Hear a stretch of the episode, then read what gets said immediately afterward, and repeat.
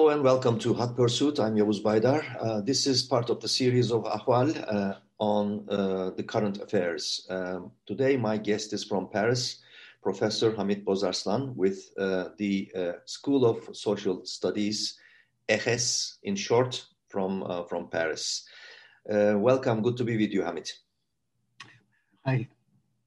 Well, uh, we today we are going to speak about uh, uh, the mob boss Sedat Peker's uh, series of videos that he released from a location, um, uh, as he mentioned, from Gulf, and uh, these videos has an explosive content, each and every one of them, because he's an attack against the, the establishment, against the against the government.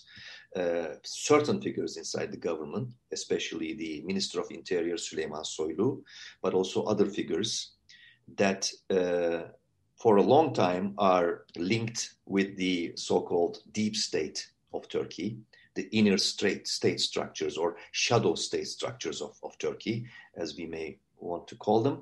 Uh, Mehmet Ağar is a former uh, Minister of Interior he had to resign uh, after a scandal uh, called Susurluk accident, road accident, which uh, ended up revealing the connections between the state and certain organized crime groups and also uh, the politicians.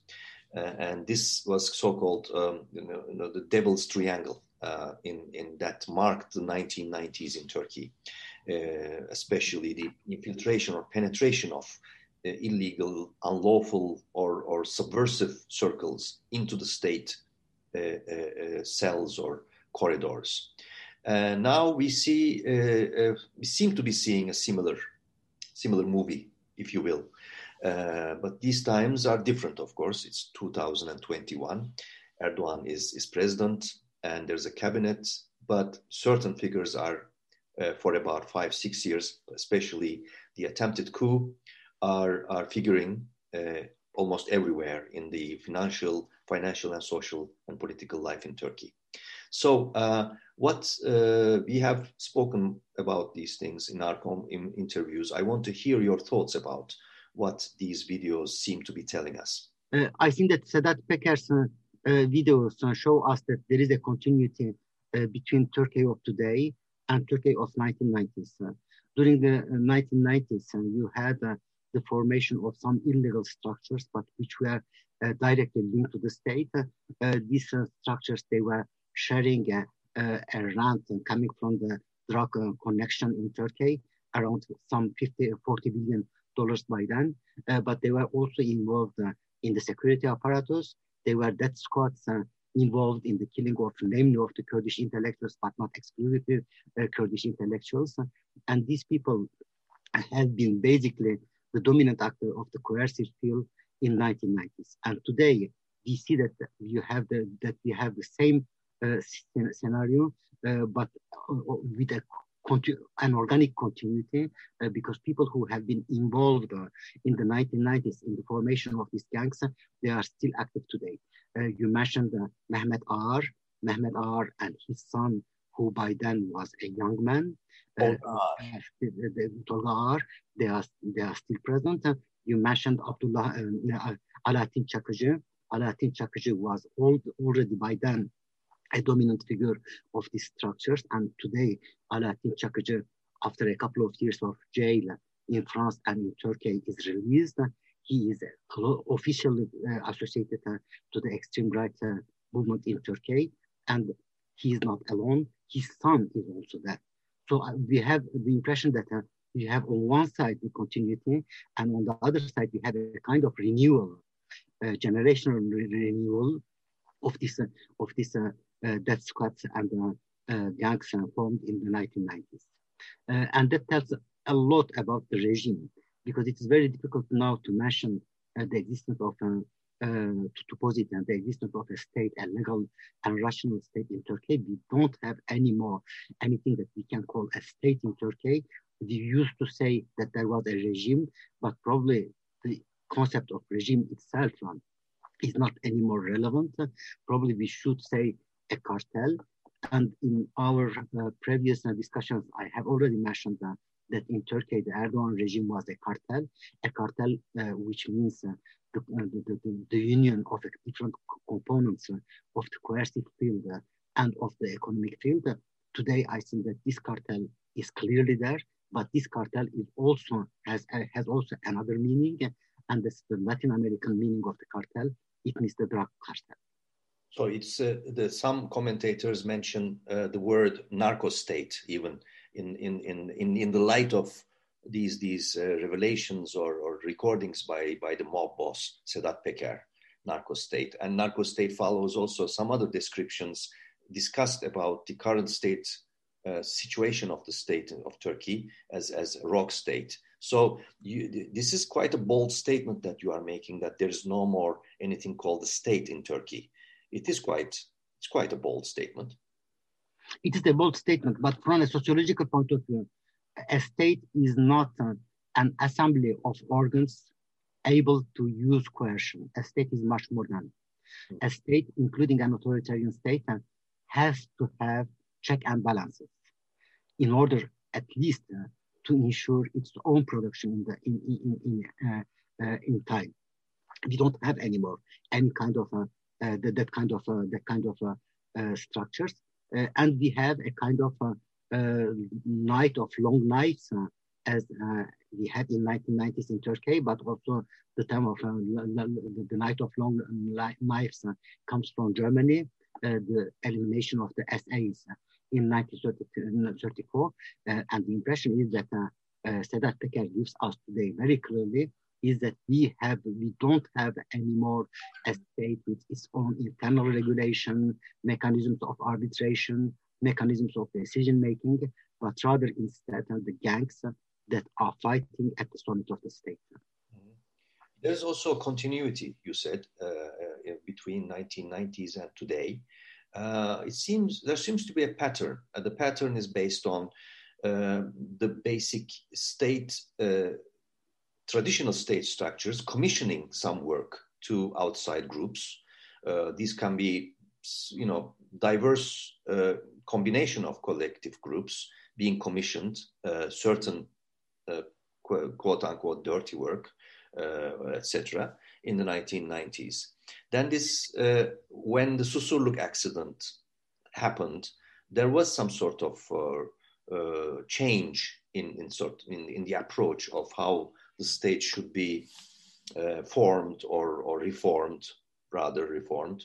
And uh, many of those uh, involved in the uh, Susurluk accident uh, uh, circles or picture were, were basically purged, left out, kicked out, sacked, and replaced by Gülenists, Gülen movement, mainly in, in, in, in key positions, especially in these security structures. And then again, as some commentators uh, uh, uh, tell or say, that these were replaced again with these early shadow figures of the 1990s, especially after the attempted coup with the introduction of the state of emergency in Turkey. Um, it seems that the, the, the, as things are, the current traditional state structures never can give up uh, commissioning or relying on external, uh, mainly illegal um, circles, uh, including organized crime or uh, mafia structures. Why is it so? Uh, why it is so? I think that one has to go back to the Hamidian period. The Hamidian period has started in 1876 and lasted until 1909. And the Hamidian state was a double state. You had an official state recognized by the international community, and everyone knew who was in the official state. But at the same time, we had also an internal state of uh, Sultan Abdul Hamid, uh, who was totally autonomous, which was totally autonomous and dependent on, depending on him.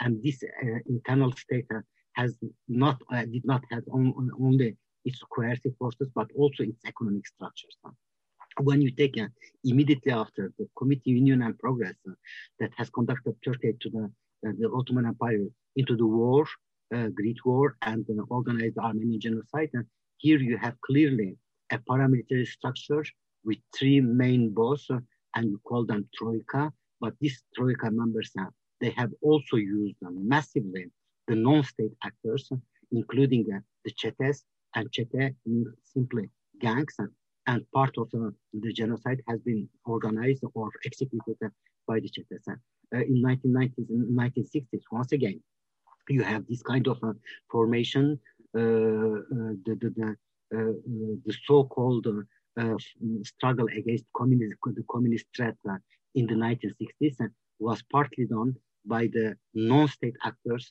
from the extreme right movement. So I see that here we have something that continues, and in this perspective, um, uh, in the sense that uh, the nation is considered as being threatened and requiring to be saved, to be protected, and to be saved, uh, one someone has to take the action, and this someone cannot uh, uh, try to have cannot seek any kind of juridical foundation, any kind of juridical legitimation, because the foundation, the, the, the, liberation of the nation, the protected, the protection of the nation appears to be as the ultimate uh, cause, uh, the only sacred cause. And for this sacred cause, you are allowed to kill and you have to be ready to be killed. Uh, when you have such a perspective, it became simply normal that the state or the those who are at the, uh, at the head of the state and the non-state actors can decide uh, that the moment is there that the nation is threatened and the juridical conditions uh, are simply unbearable burdens that one gets rid of.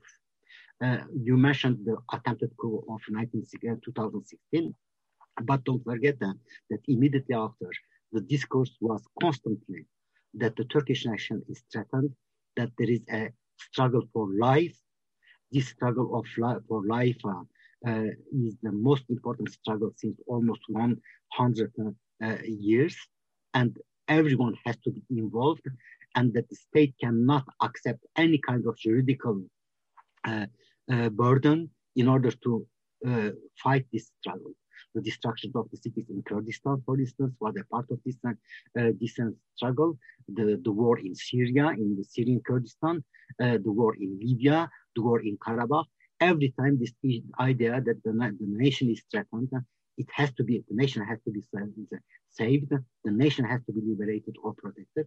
And in this perspective, of course, you will not have respectable state actors, accountable state actors, because ultimately we are in an eschatological perspective, and eschatology does not uh, uh, does not fit with the with the law and the state of law. If these videos do not only tell us about a turf war between certain mob groups or ter- certain organized crime circles, um, crime rings, um, then you said the state is basically no longer. Uh, if it is beyond a turf war, beyond you know sharing the cake, if you will, um, does it say in the absence of a state, as you as you um, suggest, where does it lead us? I mean, what is this? What is this struggle about, basically now? This struggle is about who will have the power.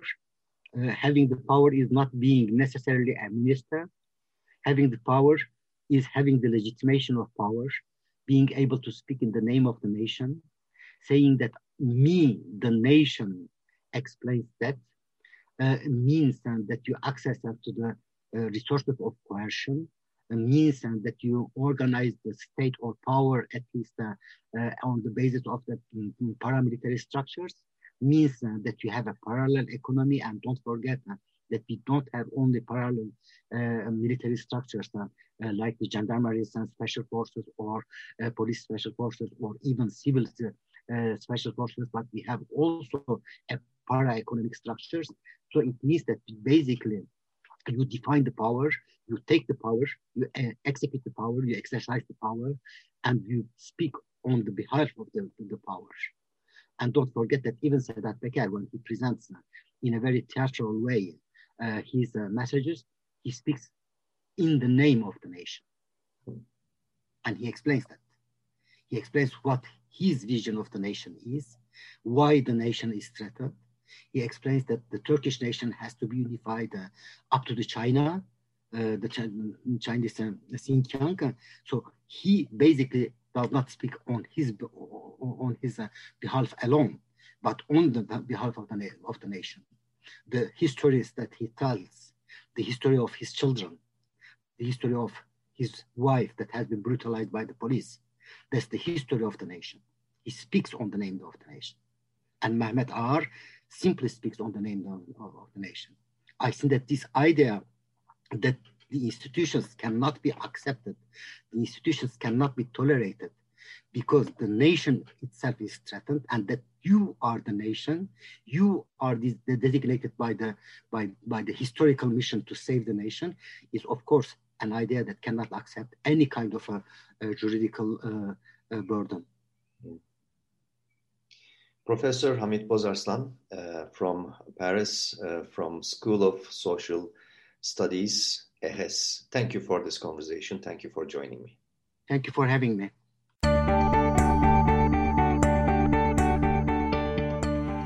You can follow Ahval News Online podcast series through Apple Podcasts, Spotify, YouTube, Google Podcasts, SoundCloud, and Spreaker. All you need to know about Turkey is here for your ears, mind, and attention. Thank you for listening to our podcast.